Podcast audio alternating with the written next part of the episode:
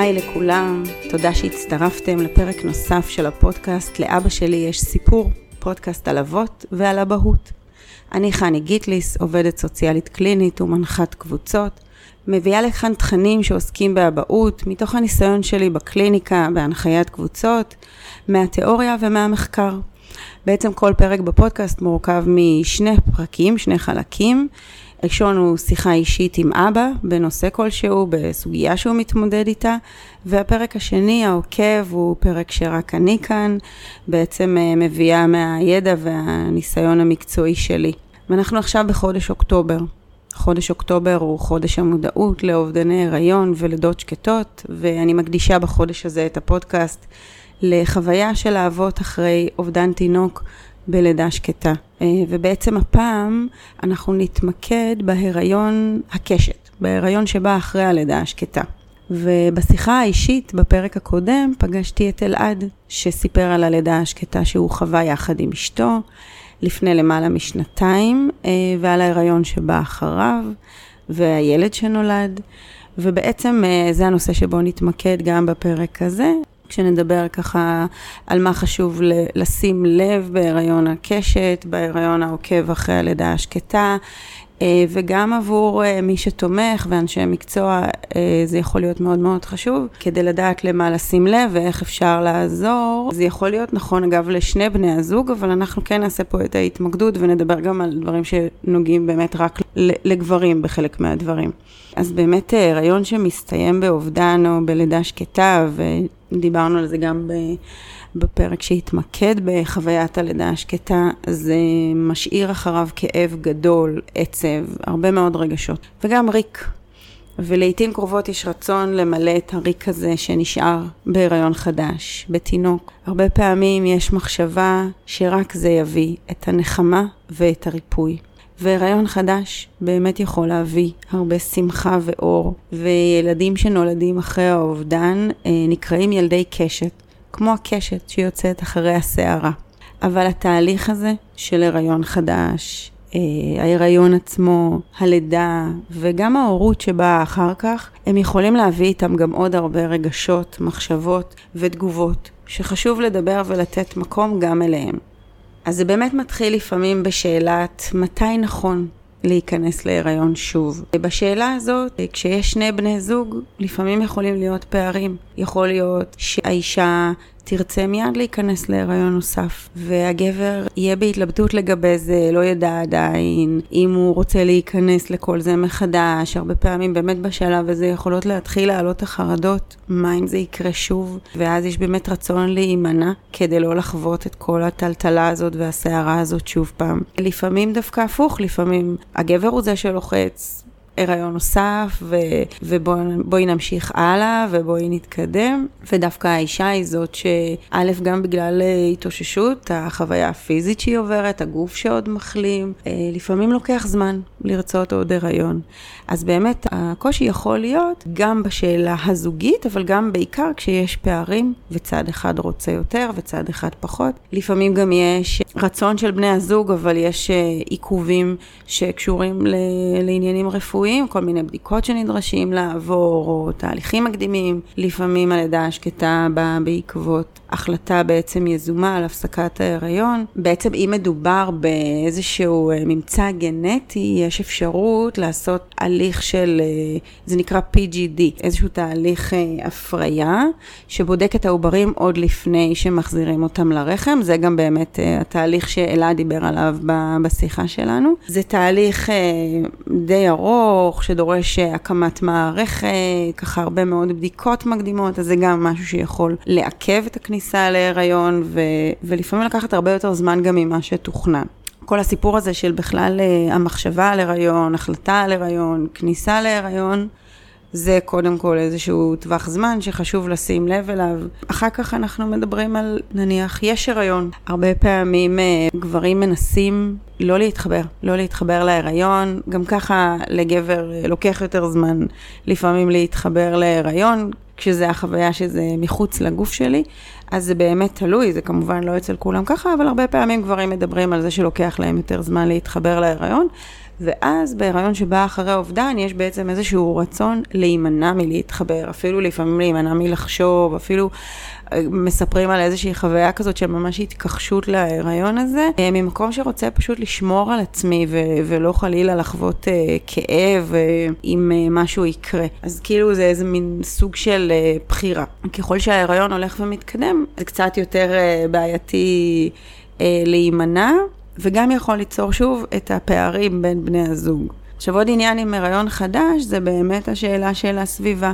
הרבה פעמים הסביבה רואה במצב הזה שכשיש הריון חדש אז כאילו זה סימן שבני הזוג כבר התגברו והמשיכו הלאה ואז אפשר להרגיש שיש איזושהי הפחתה של המעטפת התומכת, ומעודדים אותם להתמקד בהיריון החדש ולחשוב חיובי, וזה לפעמים ממש ממש ממש רחוק מהחוויה הפנימית. אה, כי עוד מעט נדבר על מה קורה באמת בסיטואציה של הריון. אה, ועוד דבר שאפשר אה, וחשוב להגיד, זה כל הנושא של הגילוי, אם לספר בכלל, אם להסתיר את זה ולשמור על זה. כאילו, יש לפעמים גם איזו הפרדה בין בני הזוג. נגיד... שאישה תגיד לגבר, אל תספר לאף אחד. אבל הוא דווקא כן היה רוצה לספר, והשאלה אם הוא גם יכול לקחת לעצמו את המקום הזה, כי אחרת זה יכול להשאיר אותו מאוד מאוד לבד. אפילו, כמובן שאפשר להבין אם לא רוצים אה, להפיץ את הבשורה, אבל אפילו לפחות איזה מישהו אחד, איש סוד כזה, כדי שכן יהיה אפשר לדבר על זה, כי לא תמיד אפשר לדבר רק אחד עם השני. באמת לפעמים אה, אנשים נזקקים בסיטואציות האלה למישהו שהוא מחוץ למערכת ויכול רגע להיות רק מקשיב, והוא לא חלק מהסיטואציה. עכשיו באמת נדבר על כל uh, מסע ההיריון, אפשר לקרוא לזה, שזה בעצם, יש הרבה בדיקות.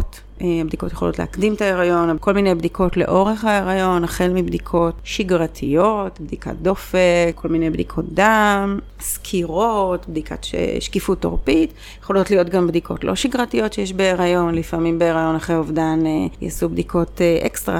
כמו בדיקת סיסי שליה, או מי שפיר שלא תמיד היה צורך בהיריון הראשון, או סקירות נוספות. ככה אלה באמת יכולים להיות גם uh, טריגרים, וגם uh, יכולים להיות כל מיני נקודות בזמן בהיריון שיהיו טריגרים uh, לא תמיד צפויים.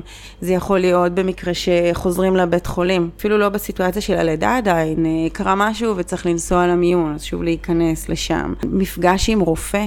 שהיה קשור לתהליך הזה של הלידה השקטה, אה, להגיע לבדיקות אולטרסאונד, יכול להיות אפילו שבוע מסוים בהיריון, אה, אולי שבוע שבו התגלה משהו, או בדיקה מסוימת שהייתה ככה מאוד גורלית. או השבוע שבו יסתיים ההיריון, כמובן שזה יכול להיות uh, מאוד מורכב. ולפעמים יהיו גם טריגרים שלא קשורים ישירות להיריון ושבאמת יהיה קשה לצפות אותם מראש. כל מיני מקומות, או אנשים, או חפצים, זה גם משהו שככה שווה לשים לב אליו. ובאמת לפעמים uh, יש מצבים שיש את הבדיקות, איזה שהן בדיקות שיכולות לקרות רק בהיריון וייתנו איזושהי תשובה לגבי למשל אותו ממצא שהיה בפעם הקודמת, ואז יש כמו איזה מין אה, עצירת נשימה כזאת עד השלב הזה של ההיריון, שלפעמים הוא שלב אה, מאוד אה, מתקדם כבר, נגיד אה, תוצאות של בדיקת מי שפיר יגיעו בסביבות שבוע 19, ולפעמים עד השלב הזה מאוד מאוד קשה. להתחבר, להתרגש, לאפשר לעצמנו רגע לשמוח, ואחר כך זה יכול להיות יותר פשוט. ולפעמים, וזה יש הרבה, יש את מי שיגיד, אני לא אאמין, עד שהוא לא יצא, עד שאני לא אשמע אותו בוכה בחדר לידה, יש איזה משהו ככה שבאמת כבר קשה לתת אמון בתהליך הזה, וזה לא פשוט, זה חלק ממה שקורה, זה חלק ממה שקורה אחרי שחווים טראומה. ויש באמת בהיריון אחרי אובדן, אה, אפשר לקרוא לזה אובדן התמימות, כי יש משהו בשמחה ובהתרגשות שהם לא תמיד יהיו אותו דבר. וגם פה יש עוד איזשהו אובדן מסוים בכיף הזה, שהרבה פעמים יש בהיריון ראשון נטול דאגות, בידיעה הזאת שיש הריון ואז יש ילד. משהו בפרדיגמה הזאת נשבר, וזה לא פשוט, זה לא פשוט להכיל את זה, ולפעמים באמת מבינים את זה רק תוך כדי ההיריון. זאת אומרת, לפעמים כל כך רוצים הריון נוסף, אבל רק תוך כדי מבינים את הקושי שהוא מביא איתו. אני כן אסייג ואגיד שלפעמים זה, זה רחוק מהדברים האלה, לפעמים זה באמת הריון מאוד משמח, מאוד מרגש, מלא תקווה. בסוף זה אינדיבידואלי, אבל אנחנו הרבה פעמים נראה את התגובות האלה של החרדה, של החוסר אמון, של הקושי. וחשוב מאוד מאוד להיות מודעים אליהם, ולא רק להתייחס להיריון, כאילו עכשיו הכל סבבה והכל בסדר, ומכאן אה, נשים מאחורינו את מה שהיה, זה ממש לא ככה, לפעמים בדיוק הפוך. אפילו אצל הגברים הרבה פעמים, בגלל שדיברנו גם בפעם הקודמת על אבל שהוא מושהה ומגיע מאוחר יותר, לפעמים זאת הנקודה שבה האבל יכול להתפרץ. וחשוב מאוד לדעת את זה, שההיריון החדש הוא יהיה הטריגר שיביא להתפרצות האבל והיגון בשלב הזה. אז זה נורא נורא חשוב המודעות. אם אנחנו כבר מתקרבים לקראת הלידה, אז יש אה, כל מיני החלטות שהוא צריך לקבל. החלטה על בית חולים, אה, האם לחזור אה, לאותו בית חולים שבו הייתה הלידה השקטה, לאיזה מין אה, חוויה מתקנת, או ללכת דווקא למקום אחר, נקי מהטראומה, להיכנס שוב לחדר לידה, כל אלה יכולים להיות, יכולות להיות החלטות מאוד לא פשוטות, וגם יש את מה שקורה ככה לקראת הלידה, כשבאמת כבר מגיע איזה חלק שאי אפשר להתעלם מזה שהולך להיות תינוק, ולפעמים השלב הזה של ההכנה ללידה, אחרי לידה שקטה יכול להגיע מאוד מאוחר. קשה מאוד לשבת ולחשוב על זה שיהיה תינוק. תינוק ואיך נעשה את זה ומה צריך לקנות. כל הפחדים לפעמים יכולים ללכת ולהתעצם באמת לשלב הזה לקראת הלידה, ואז צריך להתמודד איתם שם. לפעמים אה, ככה זכור לי אה, סיפור של גבר שהיה ממש חשש לספר לה, לאח הגדול בעצם שהולך להיוולד לו אח נוסף, כי היה המון המון פחד, אבל גם מגיע כן איזשהו שלב בהיריון שצריך להכין את הילד לקראת הלידה וצריך לאפשר לו זמן להסתגלות. אז באמת יש פה איזשהו קושי של ההורה או של ההורים, שגם יכול להשליך על, ה, על הילד שבבית. אז ככה באמת יש הרבה מאוד אתגרים סביב העניין של הריון חדש. ורגע נדבר על מה, מה יכול בעצם לעזור. אז מילות המפתח, קודם כל, זה באמת שיח ותקשורת פתוחה. גם בהחלטה לגבי ההיריון. מאוד יעזור שיהיה שיח פתוח בין שני בני הזוג. אי מוכנות להקשבה מלאה לרצונות ולציפיות של כל אחד מהצדדים. כשיש פערים בסיפור של הריון, אה, קשה מאוד להישאר באוויר. זאת אומרת, הרבה פעמים אה, או כן או לא, אבל נורא נורא חשוב אה, שההחלטה שתתקבל תיקח בחשבון ותתחשב בצרכים וברגשות של שני הצדדים. יש פה זוג שמחליט להביא ילד לעולם, ובאמת יש פה קושי רגשי של שניהם, ו- וצריך להיות קודם כל שיח פתוח ולהבין את האתגרים ולהבין איך זה הולך להיות לנו, ואולי לחשוב ביחד איך אנחנו יכולים להתמודד. ואם הפערים הם מאוד מאוד גדולים, ואני אחזור ואגיד את זה, לפעמים יש צורך באמת באיזושהי התערבות. מקצועית, זוגית, זה יכול להיות אפילו למספר פגישות מאוד מאוד ממוקד, אבל כדי לעזור להגיע לאיזושהי החלטה משותפת. אה, אז באמת לתת מקום לשיח על הדאגות והחששות לשני בני הזוג, לעודד. זאת אומרת, גם אני אומרת לגברים, תנו לעצמכם את המקום, ואני אומרת לנשים, תעודדו את בני הזוג להגיד לכם באמת איך הם מרגישים, באמת מה הם רוצים. גם אם זה אומר שלא תסכימו על הדברים, עדיף שזה יהיה בשיח מאשר שזה יהיה צבור ויצא אחר כך בכל מיני דרכים פחות יעילות, כמו כעס ומרמור ודיכאון. עדיף לתת לזה לצאת, לתת לגיטימציה לכל רגש.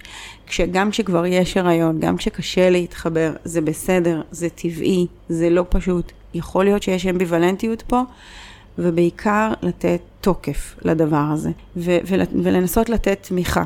קודם כל אחד לשני, אבל הרבה פעמים זה מקום שקשה להיות התומכים היחידים אחד בשני, אז חשוב גם שיהיה מקורות תמיכה מחוץ לקשר הזוגי, המשפחות, החברים, קולגות, ואם יש צורך, אז גם בעזרה מקצועית, והיום כבר יש אה, גם אה, מספר קבוצות בפייסבוק ובוואטסאפ לאבות שחוו לידה שקטה, וזה גם יכול להיות מקום שאפשר לדבר בו. יש קבוצת תמיכה, אני מנחה קבוצות תמיכה. לגברים, וזה יכולה להיות מסגרת מאוד מאוד משמעותית אה, גם בכל אחד מהשלבים, גם בקבלת ההחלטה, גם בללוות את ההיריון, שזו יכולה להיות תקופה בהחלט מאתגרת, כמו שאנחנו ככה מדברים עליו כאן. לפעמים האנשים שעברו את זה, שחוו את זה, הם אלה שיוכלו ככה להבין את זה הכי טוב, גם אם הם לא היו באותו מקום, גם אם הם החליטו אחרת, אבל באמת הרבה פעמים מערך השיקולים הוא, הוא דומה, ואפשר להבין אחד את השני. ואני אגיד עוד משהו, כי אמרתי שבעצם אה, זה השלב שבו האבל אה, יכול להתפרץ ככה יותר בעוצמות, ויכול להיות שדווקא במקום הזה של ההיריון החדש, חשוב לעשות גם עיבוד של הטראומה, של האובדן שהיה בהיריון הקודם, כדי לאפשר להיריון החדש להיות הריון נפרד. בסופו של דבר חשוב לזכור שזה הריון אחר ונפרד, וגם אם דברים מזכירים לנו את מה שקרה בהיריון הקודם, זה עדיין לא אותו הריון, יש טריגרים ויש איזושהי הצפה ויש חרדות, זה נורא נורא נורא טבעי, זה נורא מוכר, אבל זה עדיין לא אומר שום דבר. תינוקות נולדים גם בסדר גמור אחרי הריון שיש בו חרדות, לפעמים יש ככה כל מיני אמירות מאוד מלחיצות שצריך נורא להישמר מלהיות בחרדה, אין מה לעשות, זה המצב ואפשר לקבל את זה, שככה זה, פשוט ככה זה כרגע, ויכול להיות ש... מה שעוד יכול לעזור זה לעשות הכנה והיערכות לשלבים השונים. קודם כל, אה, לשתף את הגורמים הרפואיים שאתם פוגשים בדרך. אה, היום גם יש בתי חולים שיש בהם ממש מרפאות שהן מוכוונות ורגישות להתמודדות אחרי לידה טראומטית. אני יודעת למשל שיש באיכילוב, אני יודעת שיש בהדסה עין כרם, ובאמת עושים שם הכנה כי מבינים את הרגישות של ההיריון העוקב. אבל גם אם אתם לא מטופלים במרפאה כזאת, אז כן מאוד חשוב לשתף ול... לדבר עם הגורמים הרפואיים, ולכל הפחות לבקש מהם את הרגישות הזאת. הרבה פעמים זה מאוד עוזר. לפעמים גם עוזר לעשות סיור מקדים בחדר הלידה. זה לא פשוט להיכנס שוב לחדר לידה אחרי שעוברים לידה שקטה. זה בעצם אה, זירת הטראומה. חדר הלידה, ויש אפשרות לעשות סיור מקדים בבית חולים, פשוט לחוות מחדש את החוויה של הכניסה, לאפשר למה שאתם מרגישים, לעלות שם, לתת לעצמכם את המקום הזה, ואם יש צורך אז גם באמת לעשות איזשהו עיבוד של זה לקראת, לקראת הכניסה באמת ללידה. אני רוצה להגיד משהו ככה באמת לגברים, אתם לא חייבים להחזיק את הכל, אתם לא חייבים להיות סופרמן במקום הזה. ואם אתה מרגיש שאתה לא יכול להיות התומך הבלעדי, ואם אתה מרגיש שאתה בעצמך מוצף, ואם אתה מרגיש שאתה מלא חרדות, זה בסדר לבקש. א', שיהיו עוד אנשים איתכם. זה יכול להיות מישהו מהאנשים הקרובים שאתם סומכים עליהם. זה יכול להיות איזשהו תהליך של אה, התערבות זוגית, של הכנה לקראת לידה, או אפילו להביא דולה לחדר לידה. מישהי ככה שחשוב באמת שתהיה מנוסה ורגישה לצרכים האלה אחרי לידה שקטה, ואני בכוונה פונה ואומרת את זה לגבר, כי יש את ההרגשה שאתה צריך להיות שם עבורה, ושוב זה ככה חוזר כמו אחרי הלידה, אני אשים את עצמי עכשיו בצד, זה לא בהכרח יעיל, לא בשבילך ולא בשבילה. תן גם לעצמך את המקום לבטא את הצרכים שלך, ולדאוג שיהיה מי שיעזור לה. שיוכל להיות ממש איתה ופנוי אליה, זה לא פחות חשוב ולא פחות עוזר. עוד דבר שבאמת יכול לעזור, זה לקבל ידע. לקבל ידע והסברים על מה שצפוי, כמו למשל להאזין לפרק הזה. אבל באמת אה, זה יכול להיות מאוד יעיל לדעת למה אפשר לצפות, לנרמל את החוויה ולתת לה את התוקף. אני ככה רוצה לומר משהו לאנשי מקצוע ולסביבה התומכת. באמת חשוב שתקשיבו ותהיו גם עם הגבר בתהליך הזה. תקשיבו לתחושות שלו, תנו לו את הזמן לדבר. אם הוא לא מדבר מיוזמתו, תתעניינו, תשאלו, תהיו אמפתיים. לא צריך לדבר כל הזמן רק על החיובי ורק על מה שיהיה טוב, חשוב גם לתת את המקום למה שלא טוב. אבל מה שהכי חשוב זה להיות איתו בחוויה שלו. זאת אומרת, אם מישהו רק רוצה עכשיו לחשוב על מה שטוב וחיובי לו, אני לא אכניס לו בכוח שקשה לו ורע לו. אני אהיה איתו איפה שהוא. ואם קשה לו, אז אני אהיה איתו בקושי שלו. וזה אמפתיה. ובאמת חשוב מאוד לצאת מהסטיגמות על איך גבר אמור להתנהג, או מה התפקיד של גבר בסיפור הזה. שהוא רק צריך להיות החזק, והוא צריך להיות התומך, והמשפט הזה תהיה חזק בשבילה, יכול להביא גברים למצבים מאוד קשים אחר כך. מותר לו להרגיש חלש, מותר לו להישבר, מותר לו להתפרק, כל הדברים האלה, לבכות, מותר לו לא לדעת איך לתמוך. וכל הזמן תחזיקו בראש, גם הוא חווה אובדן, גם הוא איבד ילד. ספרו לו על דרכי התמודדות, התמודדות שיכולות להועיל לו. כמו שאמרנו, זה יכול להיות בקבלת ידע, בתמיכה נפשית, בקבוצת תמיכה, בכלים של אה, הרפייה גופנית, למשל מעולם המיינדפולנס. ספרו לו על הדברים האלה, לא תמיד מודעים לזה. וחשוב גם לתת מקום, עוד לפני הלידה, לדבר על התקופה שתבוא אחרי הלידה. שוב, הרבה פעמים עם כל החשש וה... ההתרגשות וההכנות לקראת הלידה, באמת לא נותנים מקום רגע לחשוב על מה הולך להיות אחר כך, אה, ואפשר לחשוב, לדבר על התקופה שתהיה מאתגרת אחר כך, ועל ההורות הזאת שהולכת לבוא אחרי לידה שקטה. הרבה פעמים הסיפור של, ה, של החרדות והקושי והזיכרונות הולך לעלות גם בשלב הזה, וכדאי להיות מוכנים לזה. ולתת לזה את המקום, אבל גם לתת מקום רגע להתרגש ולהתכונן ולחשוב על האבהות, שהגבר יוכל להכין את עצמו לקראת הילד, להתחיל ליצור את החיבור הזה עם הילד, בעיקר אם היה קושי במהלך ההיריון ליצור חיבור. הרי ההיריון הוא שלב מאוד מאוד חשוב בהורות, אז באמת כן לתת לזה את המקום ולדבר על זה כמה שאפשר וכמה שהוא מסוגל. זהו, ככה באמת אמרנו כאן אה, הרבה מאוד דברים, א', על מה הקשיים שאפשר לצפות להם, ועל איך אפשר להתמודד איתם, ואני חושבת שבאמת חשוב להיות בתשומת לב לסיפור הזה של ההיריון שאחרי, שכמו שאמרתי, יכול להיות משמח ומרגש, אבל עדיין באותו הזמן גם מפחיד. מאיים ומלחיץ. וכל הרגשות האלה ביחד יכולים uh, להתקיים בזמן הזה. אז uh, תודה רבה לכם על ההקשבה שהייתם איתי כאן, ואנחנו ניפגש בפרק הבא של הפודקאסט. לאבא שלי יש סיפור. תודה רבה.